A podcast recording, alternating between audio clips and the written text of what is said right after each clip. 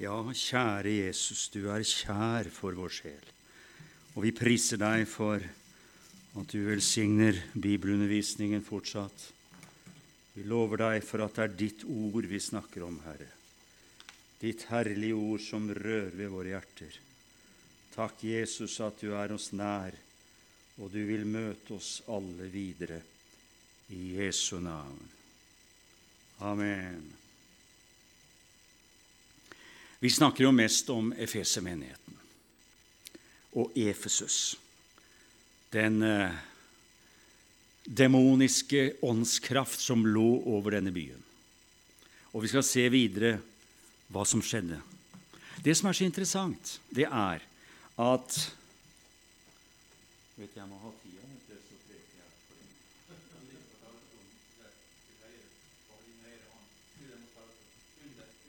Og det er der, ja.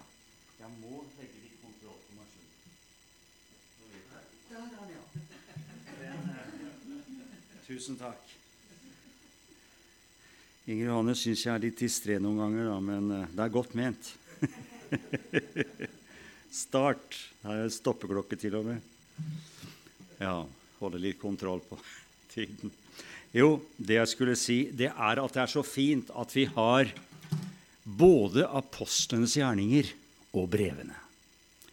Og hvis du studerer litt på det vi snakker om her nå, tar for deg temaer, så har vi det narrative, altså historien. Det som skjedde, det kan vi lese om i apostelens gjerninger.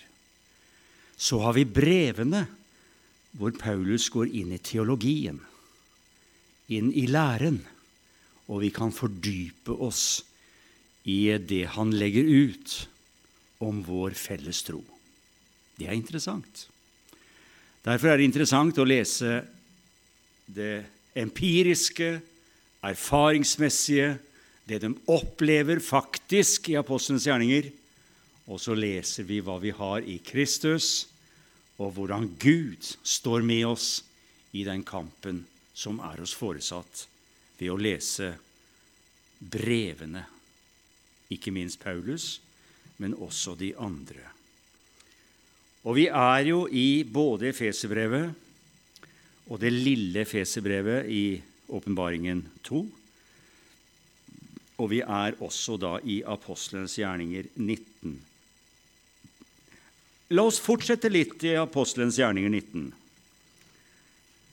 Så vil vi der se hva som faktisk skjedde etter at vi leser om begynnelsen til denne menigheten. Tolv menn som ikke hadde peiling på Den hellige ånd, som Gud i løpet av kort stund samme dag døper i Den hellige ånd.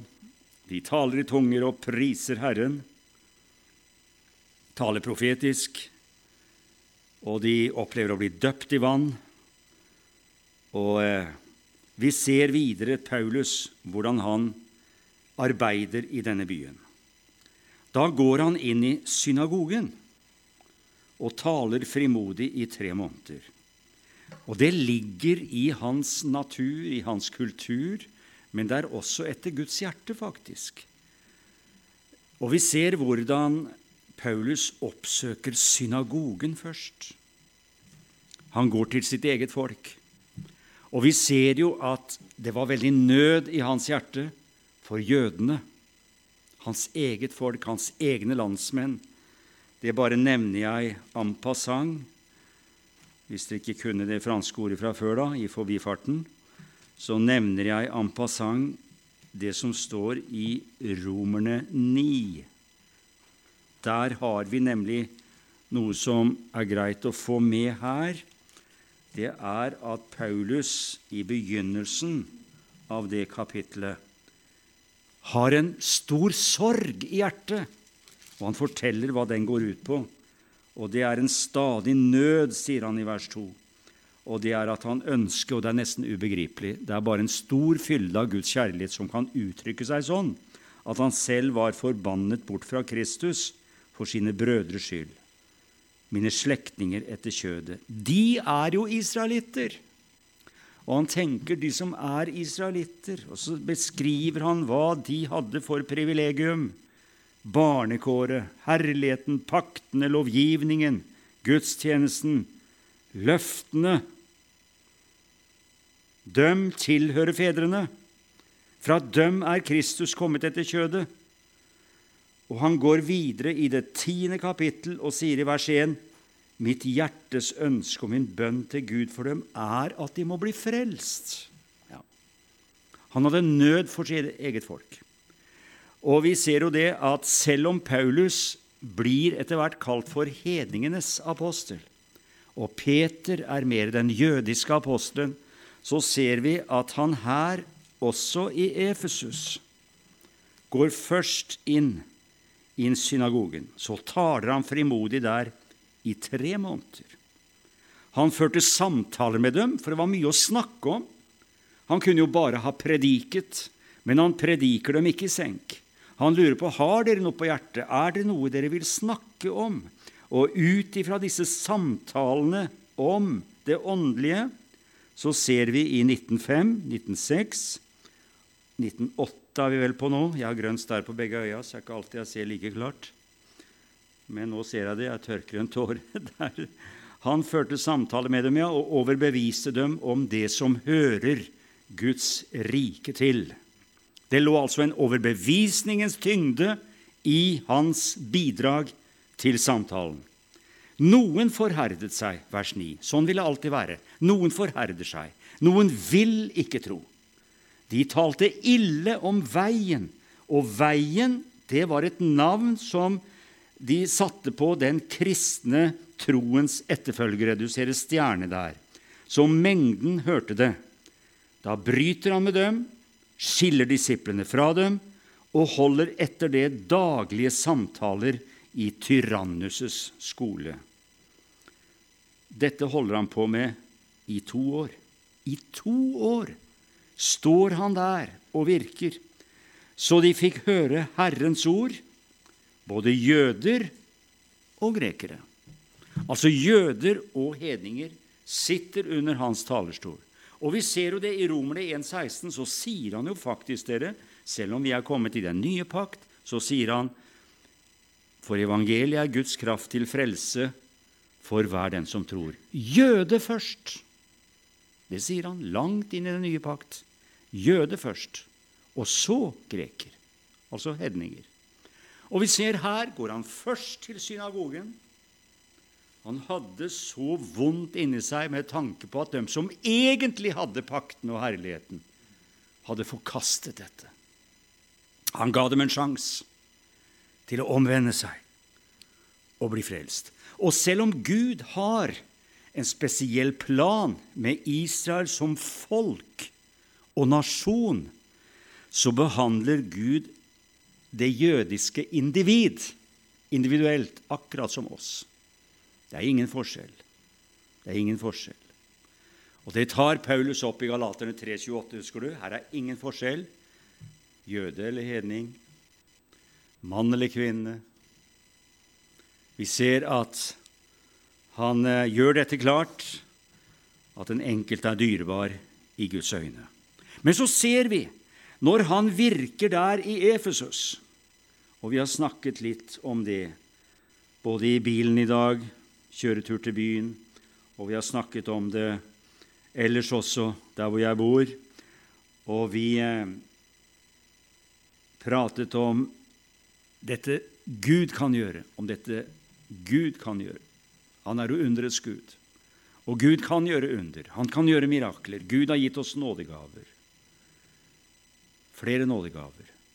Og han ønsker at de skal fungere i menigheten. Vi hørte tungetalen her. Og eh, vi skal ta vare på tungetalen. Det er en gave Gud har gitt, satt i menigheten. Og med tungetalen følger ofte tydningen. Og skal det være til velsignelse i menigheten, så må det tydes. Ellers så skal man gjøre som du gjorde. Man tier hvis det ikke blir tydning. Men så kjente jeg at det er et budskap. Det er et budskap. Men jeg som preker tenker at Terje, hold deg litt i ro. Det kan være andre. Jeg vil ikke være dominerende. Så jeg sitter og venter. Men når da ingen kommer, så oppmuntrer jeg ofte tungetaleren til å fortsette med tungene. For jeg klarer ikke bare å begynne å tyde da, for da er noe av kraften borte. Fordi dette er tvillingnådegaver som virker sammen. Tungetalen inspirerer han som har tydningen. Du må hoppe når du er på hoppet. Da må du hoppe. Ja, ikke ellers. Så jeg, jeg kjente Ta det en gang til! Halleluja. Og Gud er så god at han eh, lar sitt budskap komme fram. Det er en hensikt med nådegavene. Og i tillegg til tungetale, tydning, profetiske ord, kunnskapsgave, så har han gitt oss helbredelsesgaver. Han har gitt oss kraft til å gjøre undergjerninger. Han har gitt oss troens gave. Vi ser noe av det, men jeg sier til Gud, kjære Gud, som i Efesus, der trengte man å se at Jesus var over disse åndsmaktene. De trengte å se det.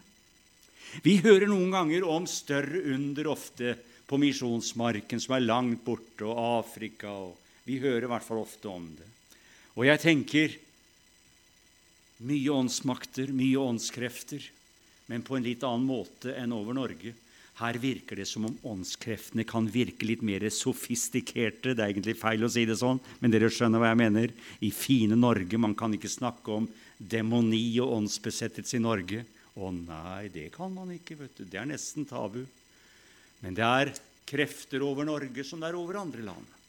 Tenk på Daniel, som opplevde i Daniel 10 Perserikets fyrste sto meg imot.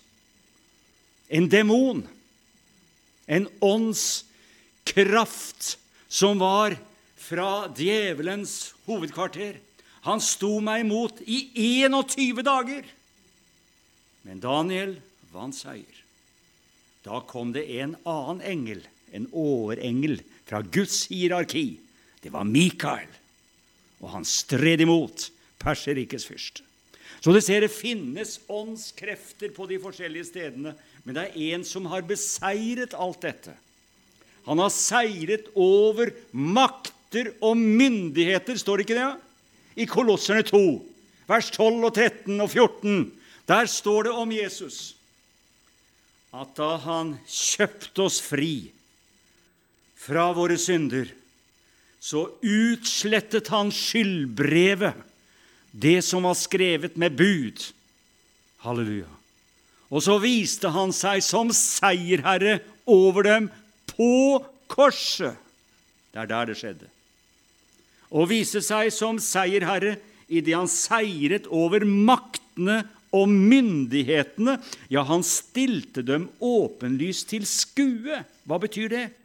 Det betyr at Gud møtte ikke mennesket i Jesu død i en bortgjemt kjeller, i et kott. Bortgjemt, og så skulle man fortelle det etterpå. Hør her, Jesus har dødd for oss nede i kjelleren her. Nei, i lyset. På den øverste høyden. Der, høyest oppe på Golgata-kullen. Der oppe og så heiste de Jesus opp så høyt at de ikke kunne gi ham svampen og vete hans lepper. Høyt der oppe så folket skulle se. Gud er lysets Gud, og Gud turde å møte dem i det offentlige rom. Ja, det gjorde han.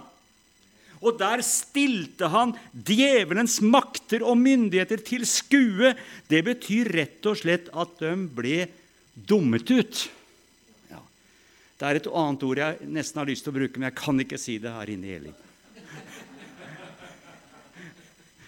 De ble dummet ut. Det, det, er det verste jeg kan si da, her i bedehuset deres. De ble flauset ut. De ble gjort narr av.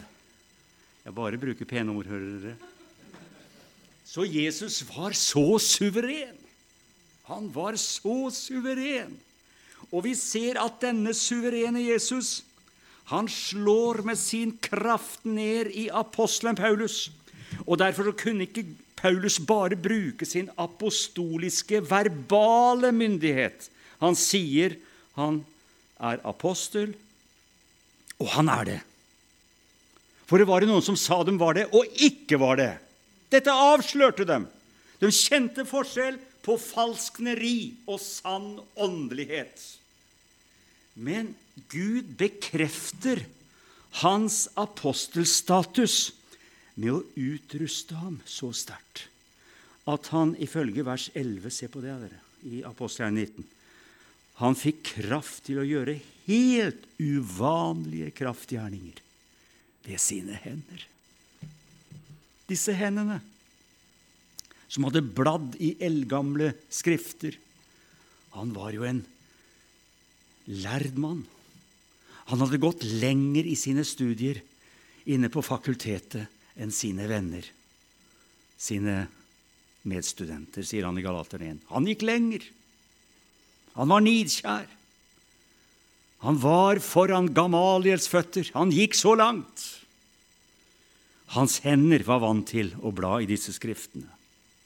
Han lærte dem utenat. Han var sterk i skriftene, han også, som Apollos. Og han fikk apostolisk myndighet fra Gud. Og disse hendene, som i tillegg hadde sydd, sydd telt og arbeidet praktisk, disse hendene legger Gud sin kraft på. Og når han går rundt i gatene der i Efesus, så gjør han noe forunderlig. Folk tar til og med svetteduker og arbeidsforklær som han hadde hatt på seg, og bar til de syke. Har du hørt på maken? Og sykdommene forlot dem, og de onde åndene som luftrommet der oppe var fullt av, de måtte vike.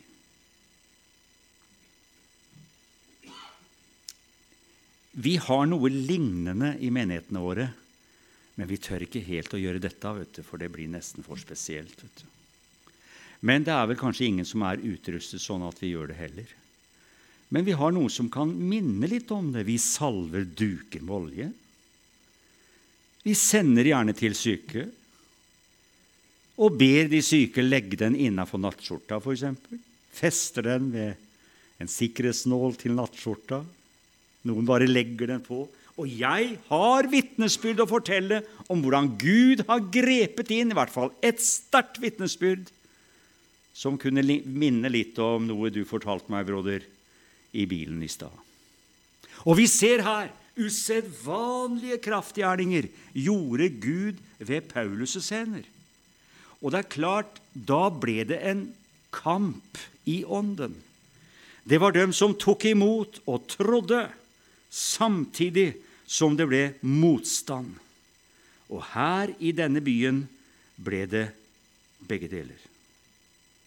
Det står her jøder og grekere opplevde i vers 17 at Herren Jesu navn ble lovprist. Mange av dem som var blitt troende, kom og bekjente og fortalte hva de hadde drevet med.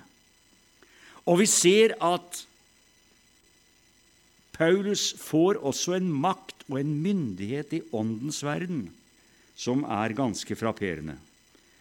Hvis du ser her i vers 13 så er det noen av de jødiske åndemannerne som farer omkring og prøver å nevne Herren Jesu navn over dem som var besatt av onde ånder.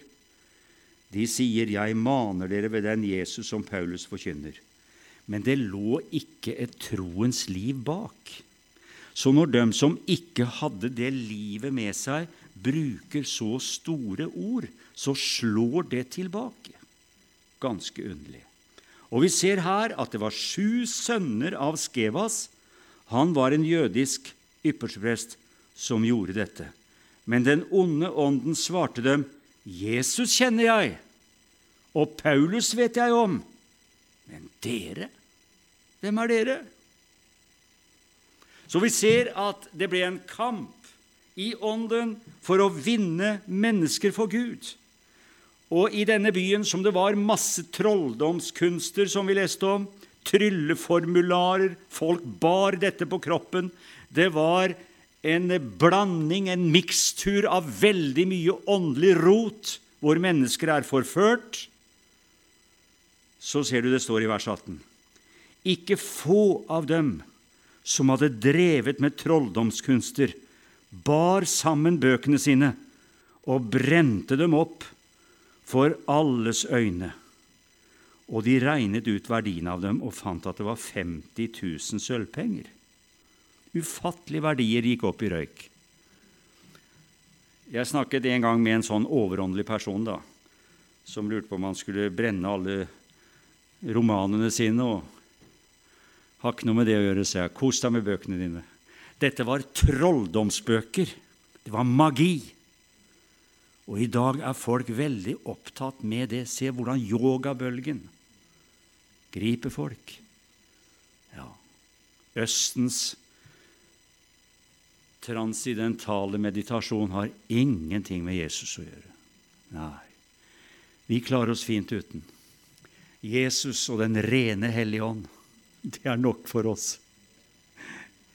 Jeg liker ikke ordet 'meditere' heller. Jeg. jeg liker ikke det. Du må gjerne bruke det. Men meditere, det, det minner meg om noe fremmed. Bibelen snakker om å be i ånden og takke og lovprise og påkalle Herrens navn. Det holder. Og da ber vi i Den hellige ånd. Men vi ser her hvordan de kom med trolldomsbøkene sine og lager et kjempemessig bål, og så tenner de på. Bort skal det. Ilden tar det alt sammen. Således hadde Herrens ord fremgang og fikk makt i Efesus. Efesus der var det sånn åndskamp at det måtte noe sånn til for å bryte igjennom. Det er ikke sikkert det var sånn overalt, men her var det sånn. Og noe av poenget mitt er at det er forskjell på de forskjellige steder. Nei, Terje, der er det så tungt. Og der er det så åpent.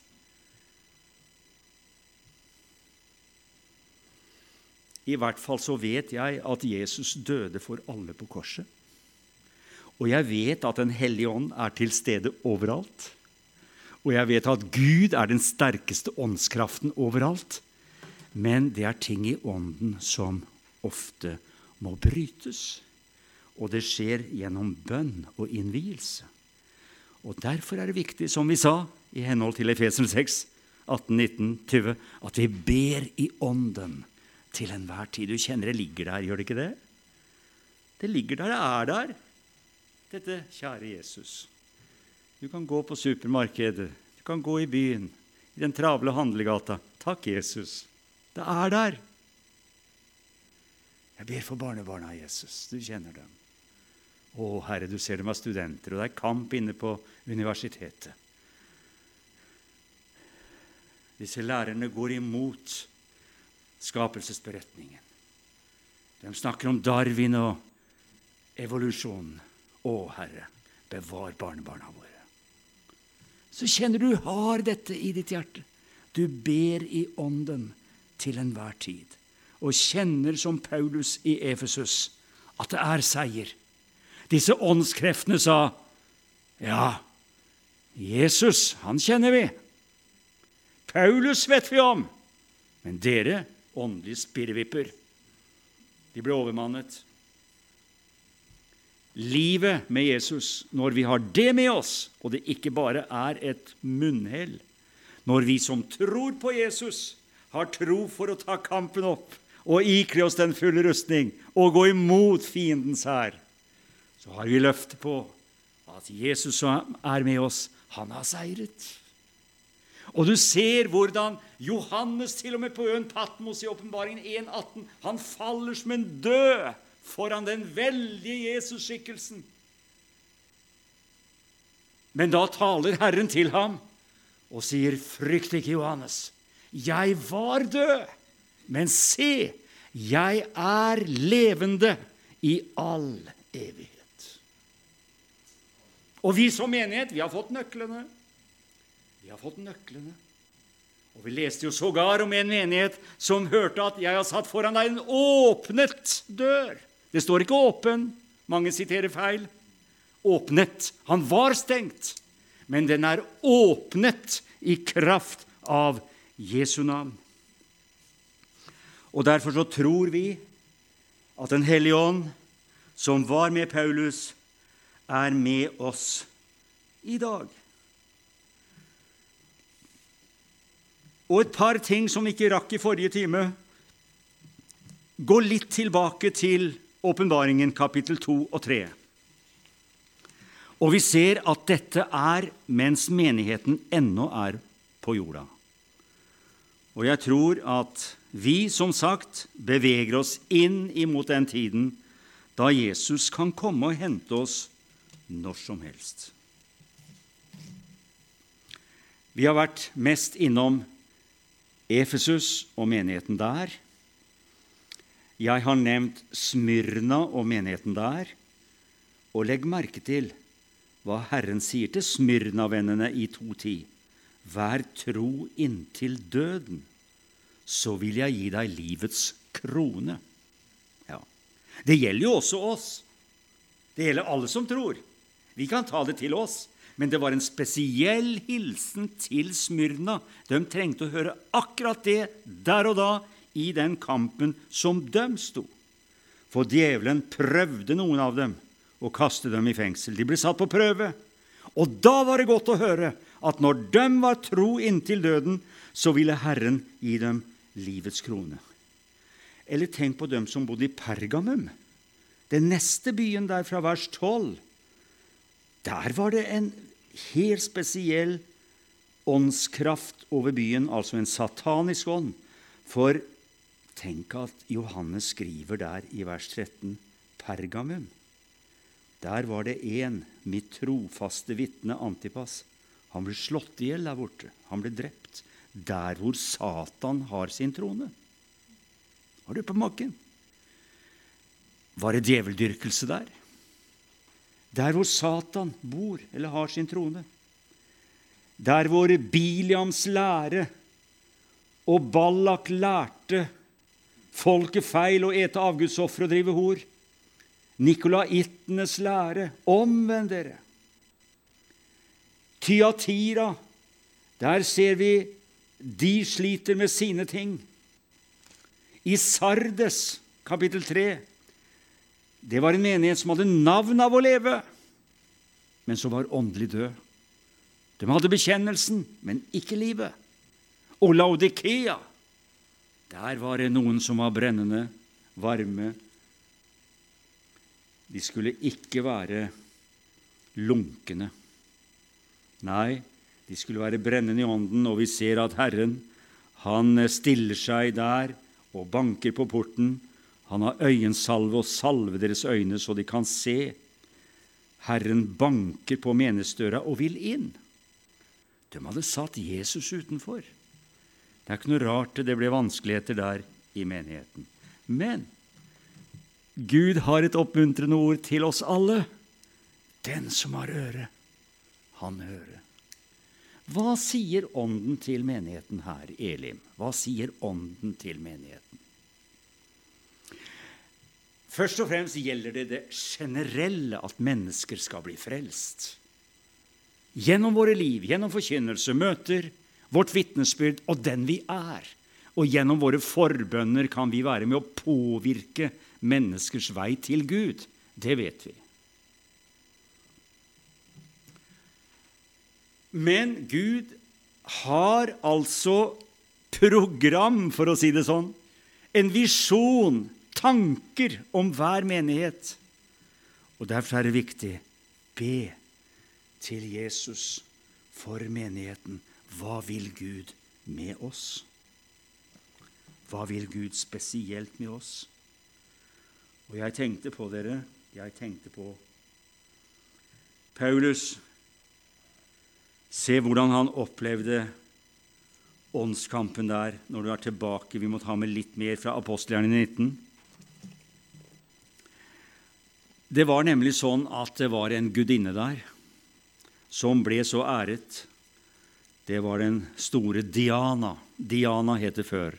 Det har skifta navn nå til Artemis. Artemis-tempelet.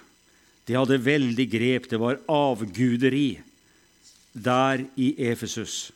Og de ropte og de skrek 'Stor er efesernes Artemis' eller Diana. Og vi ser hvordan folk er hysteriske og roper og skriker. Og disse kunstnerne de lager sånne Artemis-templer av sølv se på vers 24, og hjelper håndverkerne til en biinntekt. Ja, bi, det var mine ord. En ikke liten inntekt, står det.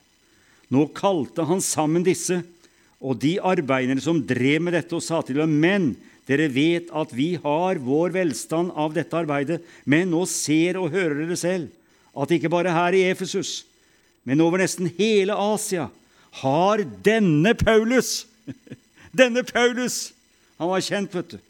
Ved sine overtalelser forført en stor hop ved å si at de guder som blir laget med hender, ikke er virkelige guder. Og det blir et voldsomt opprør og stor samling i teatret der, i vers 29. Og jeg leste i et leksikon at det teatret rommet trolig 25 000 mennesker. Teatret i Efesus, det er helt utrolig. Like stort som Ullevål stadion. Der var det fullt! Det kokte i byen! Men allikevel, i dette hegemoniet av åndskrefter, så er det sådd et såkorn. En menighet vokser frem. En menighet som Paulus bærer med seg i sitt hjerte. Og han ønsker for dem at de skal få visdoms- og åpenbaringsånd. Efeserne 1, 18 og 19. Til kunnskap om Kristus. Han ønsker å fortelle dem at Guds fred skal fylle deres hjerter. Han ønsker å si til dem at Guds kjærlighet, lengde, bredde, høyde og dybde, den må dere bli kjent med. Og Han ønsker å fortelle dem der i Efesene 3, 20 og 21 at Gud som kan gjøre mer enn alt, langt utover det vi ber eller forstår, han, han er mektig. Han vil gjøre det. Han vil åpenbare seg for oss. Og vi ser hvordan Paulus er med her i denne byen og se at Guds verk har fremgang. Men noe måtte altså ha skjedd i løpet av 30 år. Tenk at denne menigheten mister sin første kjærlighet. Å, det er et ømt punkt. Og derfor er det så viktig dere. Derfor sang jeg den enkle, åndelige sangen der om Jesus. Ingen deg forstår som Jesus. Iblant kan vi føle at svikter vi Jesus? Er troen så sterk? Skulle jeg vært mer brennende i ånden? Men den første kjærlighet den har sitt utgangspunkt i at Gud er kjærlighet, som Johannes sier, 1. Johannes 4. Gud er kjærlighet. Og når Gud møter oss, så gir han av denne kjærligheten, Romerne 5.5, Guds kjærlighet er utøst i våre hjerter ved Den hellige ånd, som er oss gitt. Hvilke spørsmål fikk Peter under eksaminasjonen som han måtte gjennom før han skulle gå inn i den oppgaven han fikk, og den tjenesten han fikk? Han var en svak mann. Tenk at han tre ganger bannet, han sverget med edere tre ganger på at han ikke kjente Jesus. Tenk for en synd. Og når jenta sa der ved bålet 'Vi kjenner ham igjen', vi hører på dialekta hans. Han er jo galileer. Det var han. Nei, det var ikke meg! Som fornektet. Da ser han et par bedrøvde øyne som borer seg dypt inn i hjertet og han går ut, kaster seg ned og gråter. Er det ikke godt at Gud tar imot vår anger og vår sønneknuselse? Dere offer for Gud er et søndeknust hjerte. Salme 51, 19. Og David hadde jo virkelig opplevd det. Hva han rotet seg bort i synd og elendighet. Men Gud reiste ham opp igjen. Hvorfor det? Jo, han ber så inderlig i Salme 51, vers 12-14. Gud, skap i meg et rent hjerte. Forny en stadig ånd inneni meg. Kast meg ikke bort fra ditt åsyn. Ta ikke din hellige ånd fra meg. Gi meg igjen din frelsesfryd, så vil jeg lære overtredere dine veier å kjenne, og syndere skal omvende seg til deg. Og jeg vet at denne kjærligheten er drivkraften i vår tjeneste for Gud. For der inne på stranden, etter fornektelsen Det gikk noen dager. Det gikk noen dager. Men Jesus vet du, han tenkte ikke nei, nå forkaster vi Peter. Han er et lederemne, men nei, nå, nå har han gjort den utilgivelige synd. Nei da. Han hadde ikke det. Han var elsket av Jesus, og Jesus ville høre det fra ham selv. Simon Peter, elsker du meg? Ja, Herre, jeg har deg kjær. Simon Peter, elsker du meg? Ja, Herre, jeg har deg kjær. Simon Peter, har du meg kjær? Herre, du vet alt. Du vet jeg har deg kjær. Og han som vi kan si det til, han kjenner våre svakheter, våre skrøpeligheter. Og Gud krever ikke perfekthet for at vi skal være med å tjene ham, men han krever et ydmykt og sant hjerte som sier som det er. Er ikke det godt? Vi kunne aldri stått i en vedvarende tjeneste hvis Gud ikke hadde vært nådig. Vi er frelst av nåde, Efeserne 2,8. Vi er bevart av nåde etter Jesu ypperste prestelige bønn, Johannes 17. Og vi blir tatt med når han kommer av nåde. Er det nåde, da?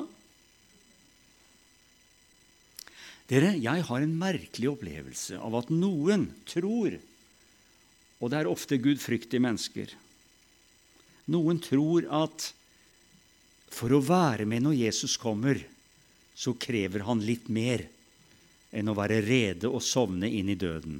Jeg kan ikke finne det i Bibelen. Vi tenker jo aldri når man sitter ved et dødsleie, og så kommer døden, og den flytter. Vi tenker jo aldri Ble han frelst, tro? Var han rede? Tenker aldri sånn. Sovner inn i Jesu navn. Eller blir utsatt for en ulykke. Går hjem til Jesus. Hvorfor har noen da problemer med å tenke hvordan skal jeg være rede når Jesus kommer? Senk skuldrene. Takk for nåden. Det står i 1. Peter 1,13. Der har jeg funnet nåde i forbindelse med bortrykkelsen. Det står om den nåde som blir oss til del i vår Herre Jesu Kristi åpenbarelse. Altså når Han åpenbarer seg og kommer, da får vi del i nåden. Husker dere Tom Erlandsen? Husker dere Tom? Hva kalte Tom det bibelverset? Han kalte det for bortrykkelsesnåden. Det gjorde han. Det var bortrykkelsesnåden, sa Tom om det. Og det er ikke frelsesnåde for ufrelste. Det er for sent. Men for oss som er Guds barn, så får vi oppleve bortrykkelsesnåde. I det ved Jesu Kristi åpenbarelse så får vi nåde fra Gud til å være med. Det er av nåde vi ble frelst, det er av nåde vi er bevart, det er av nåde at vi er med når Han kommer. Enten vi er døde eller vi lever, så hører vi Herren til. Halleluja. Å, nå kjenner jeg meg salig, altså. Hvor rikt et liv Gud kaller oss til. Det burde jo være kø til alle Guds hus, hvor folk roper 'Kan jeg få komme ennå?' Er jeg elsket av Gud? Fins en vei ut av uføret jorden har rotet seg inn i nå? Kommer de tidene, tro? Ja, jeg har vært på møte i Bolivia.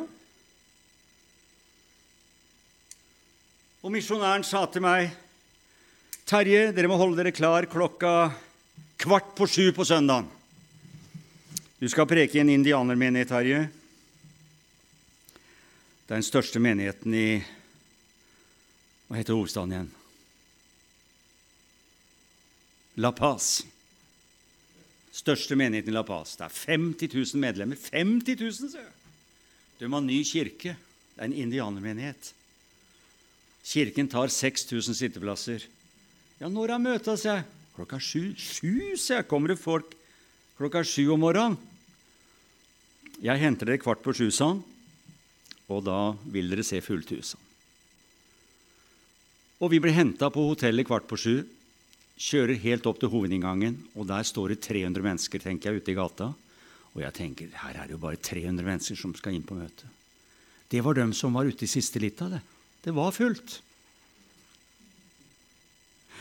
Og Inger Johanne og jeg og fire til fra salen Halden og Philadelphia Sarpsborg vi ble geleidet inn bakveien. Vi måtte sno oss gjennom folk og komme opp på podiet bakfra. Og da hadde lovsangerne varmet opp en hel time. Og jeg preker om Jesu gjenkomst, for det ønska pastoren. Og etter halvannen time så var det sånn trengsel ved dørene. For da skulle neste pulje inn klokka ni. Og vet du at de har seks sånne gudstjenester hver søndag? Sju, ni, elleve, ett, tre og fem. Stort sett fulle hus, alle møtene. Det er i dag i en indianermenighet i Bolivia. Ufattelig. Det hadde vært vanskelig å tro hvis jeg bare hørte det. Vi var der. Det var i 2012. Februar 2012. Og jeg tenker, kjære Gud, det har vært sånn i Norge òg. Tenk på Albert Lunde-vekkelsen. Tenk hva Oslo var et vekkelsessentrum for litt over 100 år siden. Først kom metodismen med hellighetsvekkelse i 1856. Så kom Frelsesarmeen med fynn og klem. Så kom baptistene med dåpsvekkelse. Frimisjon, Misjonskirken, som gjorde at Ålesund brant. Åndelig, altså. Vekkelse i Ålesund. Så kom bedusvekkelsene, bedehusvekkelsene, sterke vekkelser rundt Ålesund, på øyene her og ellers i Norge. Sterke vekkelser, lutherske vekkelser, synd og nåde. Og så kom pinsevekkelsen til Oslo. Midt oppi jula 1906. Men før det så hadde det endog Albert Lunde-vekkelsen i Karl Meiergaten misjonshus. dere. Det var Skandinavias største misjonshus. 6000 sitteplasser, like mye som Sarpsborg stadion. Der var det vekkelsesmøter fra, februar til september hver dag omtrent i 1905. Det var fullt! Så det har vært sånn i Norge òg. Er det noe rart at pinsevekkelsen kom til eh, åpen dør året etter? For en tid. Så går det noen år, så kommer Mangsvekkelsen i Oslo. Mange hundre ble frelst, for ikke å si tusen. Åh, tider. Gud, vi trenger det på nytt. Så tenker jeg hva slags ånd er det over oss? Hvilken ånd er over Oslo i dag? Jeg tror det er en sterk ateistisk, antikristelig ånd over Norges hovedstad i dag. Det er en sterk ånd som slår ned i Stortinget, som gjør at det blir vedtatt lover som er ugudelige. Og Jeg skal vise dere noe underlig i Jesaja 57. Eller 59 er det. Jesaja 59. Jeg vet ikke om du har oppdaga dette bibelverset. Jesaja 59, vers 14 vers 13 for sammenhengens skyld. Vi er falt fra Herren. Vi har fornektet ham. Vi har gått bort fra vår Gud. Vi har talt om undertrykkelse og frafall. Vi har unnfanget løgnens ord i våre hjerter og sagt dem ut. Derfor er retten blitt holdt tilbake, og rettferdigheten står langt borte. Sannheten Hør her, dere! Sannheten har snublet på tingstedet, og de rette kan ikke finne inngang. Sannheten ble borte. Den som holdt seg fra det onde, ble plyndret. Herren så det, og det var ondt i hans øyne at det ikke var noen rett. Sannheten snublet på tingstedet. Tingstedet? Ja, da er jeg tilbake til skolestua, altså. Vi hadde en veldig god historielærer. han var så dyktig til å undervise oss elever og var så spennende å høre på at vi, eh, vi ville nesten ikke ha friminutt når han kom inn på visse ting. Han ble jo kjendis etterpå. Det var jo han SV-politikeren Stein Ørnhøi. Han var nyutdanna lærer og kommer til Sarpsborg. Da var han ikke kjendis, men han var vår lærer. En fantastisk historielærer. Han kommer på alle klassefestene hvert femte år.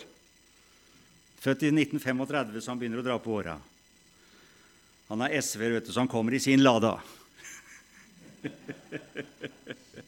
Så der har vi en sterk side. Og jeg tenker på disse historietimene, og der lærte vi om tingene, vet du. Her står det 'sannheten har snubla på tingstedet'. Vi lærte om Gulating. Det lå mer borti her. Om Frostating i Trøndelag. Om Eidsivating oppe ved Hamar. Og Borgarting nede i Østfold. Det sitter ennå! Ja, det sitter ennå. Men det var sånne tingplasser som var lokalt. Men hva har vi i Norge, i Oslo? Der har vi det største tinget vårt. Og hva heter det største tinget? Stortinget. Sannheten har snubla inn i Stortinget. Og det gjør at det blir vedtatt lover som er ugudelige. F.eks. ekteskapsloven. Og nå kommer den derre flaggloven. Bare vent. Men vi kan hindre det gjennom våre bønner. Vi kan be til Gud. For hvis kristenfolket taper den, så kan man heise opp det seksfarvede prideflagget, som noen sier. Regnbueflagget. Kan det vaie fra alle flaggstengene i de kommuner som tillater det. Og det kommer til å komme hvis ikke vi hindrer det. Det er det ene. Og det andre er, som jeg sa i formiddag inne i byen, paragraf 185 i Grunnloven står i fare for å bli forandret. Det blir avgjort 17. desember. Og hvis dere hørte Bjarte Ystebø på Kristen-TV denne uka, hørte dere det? Han var en av dem som fortalte at han denne uka har vært i Stortinget sammen med flere kristne ledere og vært på høring. Det blir avgjort om paragraf 185 skal forandres. Og hvis den blir forandret, så kan vi bare vi leser Romerbrevet 1, bli dømt til tre års fengsel. Det er sant i Norge. Det er på trappene nå. Det er de ateistiske, antikristelige kreftene som er over Oslo og over Norge. Men hvordan kan vi hindre disse kreftene? For det første, Jesus har seiret over dem. Jesus har seiret. Og når vi ber Fader vår Inger Johan og jeg vi ber Fader vår høyt hver morgen. Først så salver hun meg med olje, så jeg har salvelsen hver dag. Henter oljeflaska. Ja, men er ikke Eldsterådet Den er ikke knytta opp til noe. Visst er det Eldsterådet som kan bruke den, men ånden er fri! Hvem som helst kan benytte seg av Guds løfter. Hver morgen salver Inger Johanne meg med olje, både for kroppen min Jeg har grønn der, jeg har hatt kreft to ganger. Så er det et under at jeg er så sprek som jeg er. Takke Gud for det. Hun salver meg, og så ber vi alltid Fader vår sammen. Nå har hun blitt pensjonist, så vi har god tid om morgenen. Og så ber vi Fader vår, du som er i himmelen. La ditt rike komme. Og jeg tenker, når vi ber 'La ditt rike komme', så ber vi om at det er Guds rike som må beseire åndskreftene. For den fantastiske bønnen avslutter med 'For ditt er riket, makten og æren i evighet'. Amen! Og vi vet at den skal oppfylles to ganger. Du har den åndelige oppfyllelsen, der Guds rike får fremgang og makt. For Guds rike består i Romerne 14, 17, rettferdighet, fred og glede i Den hellige ånd. Og så har du den fysiske siden ved bønnen, da Guds rike opprettes ved Jesu messianske komme på Oljeberget. Og Israels rike, apostelgjerningene 1,6, gjenreises etter Guds timeplan 1,7. Så vi lever i spennende tider. Men vi skal be for vår nasjon at Den hellige ånd får gripe Oslo på nytt. Og vet du hva? Gjennom våre bønner. Og derfor ber vi. Hør nå. Våre bønner kan penetrere, altså trenge igjennom, det lag av åndskrefter som ligger over Norges hovedstad. Våre bønner kan skape åpninger. Det er nesten, vet du, som om jeg ser et bilde foran meg. Hvordan skal man fjerne fjell i Norge når nye bygg skal reises og veier anlegges? Man sprenger det bort. Man borer hull i fjellet, legger ned sprengkraften. Og da vi var små, husker du det? Varsko her, lunta brenner! Og vi pigga av gårde. Ja, nå er vi i den digitale tidsalder. Vi hører en sånn lyd. En digital lyd. Og folk holder seg unna. Og så kommer et forløsende smell. Vet du hva Jesus sa? Om vi har tro, så skal vi kunne flytte fjell. Vi skal kunne penetrere motstanden. Vi kan skape åpninger gjennom våre bønner. Og det trenger vi i dag. Og Derfor er det veldig viktig at vi ber for våre politikere. Og som det var sitert Det var en dame inne i Frimisjonen i formiddag. Hun var fantastisk fri i ånden. Det var jo en fryd å høre den dama, ikke sant? Som avslutta der. Det var helt fenomenalt. Det var en av søstrene i menigheten der inne. Det var helt fenomenalt hvordan hun siterte 2. krønikebok 7,14. Når Guds folk ber, så skal Gud høre bønnene. Og som hun sa fritt oversatt Gud skal lege folket, helbrede folket og lege landet. Det står noe om det. Halleluja. Å, Gud er mektig. Ja, halleluja. Jeg er veldig glad for én ting, at vi har et møte igjen. Jeg er ikke gjennom ennå, broder. Det er mer. Og det ligger på hjertet mitt, og vi tømmer ut resten av det jeg fikk. I forrige uke satt jeg og med dette her.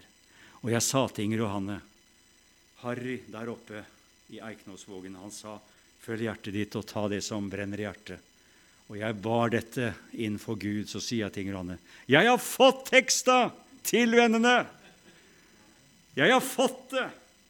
Det er ikke noe jeg tok. Jeg kunne tatt opp, jeg har vært predikant i 52 år. Jeg kunne tatt, gått ned i fryseren og tatt opp et herlig kjøttstykke og tina opp det. Men det gjorde jeg ikke. Jeg sa, 'Kjære Gud, jeg vil ha noe nytt!' Slakte gjøkalven nå, så jeg får noe ferskt og godt å bringe. Amen. Jeg har aldri preka om dette her. Det er helt nytt. Jeg så det i forrige uke. Jeg har aldri sett det jeg snakker om her nå. Det gikk 52 år før jeg så det. Og nå deler jeg det med dere. Jeg tror det er et ord fra Gud. Og jeg håper det sitter noe igjen når jeg har reist. Og dere har jo Harry og brødrene her òg. Jeg er helt sikker på at dere tar det videre på en eller annen måte. For jeg tror akkurat dere skulle høre dette. Gud velsigne dere. Halleluja. Et møte igjen i morgen. Jeg får si som Paulus, be for meg, så det blir gitt meg ord. Efesene 6, 19, 20. Når jeg opplater min munn. Kjære Jesus, jeg takker deg. Vi har kjent ditt nærvær. Du har vært med oss, og vi priser deg. Takk, Jesus Kristus, for Den hellige ånd som åpenbarer Jesus for oss. Og denne Jesus, han har seiret over makter og myndigheter. Du er på tronen. Du er på tronen. Du er på tronen i dag. Å, vi priser deg.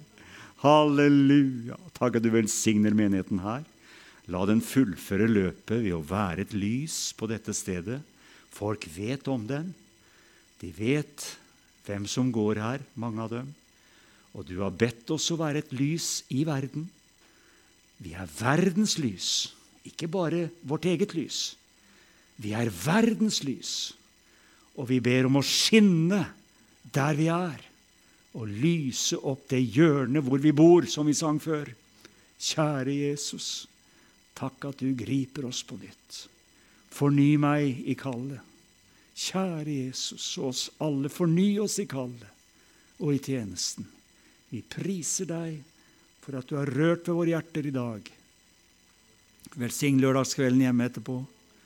Velsigne nattens ro og hvile, og velsign morgendagen. Og så ber vi, Herre, om er det åndskrefter over Ålesund i dag som vil hindre, så har du seiret over disse åndskreftene. Du er på tronen. Og dette er gamle vekkelsesområder som du igjen kan røre ved. Å, Herre, vekk oss til live i vår egen tid, som profeten sier. Og takk, Jesus, for at nettopp for en tid som denne er vi kommet til dronningverdighet. Takk at vi kan gå inn for kongen, og du rekker ut septeret og sier, Hva vil du jeg skal gjøre for deg? Takk at du møter oss alle. I Jesu navn. Amen.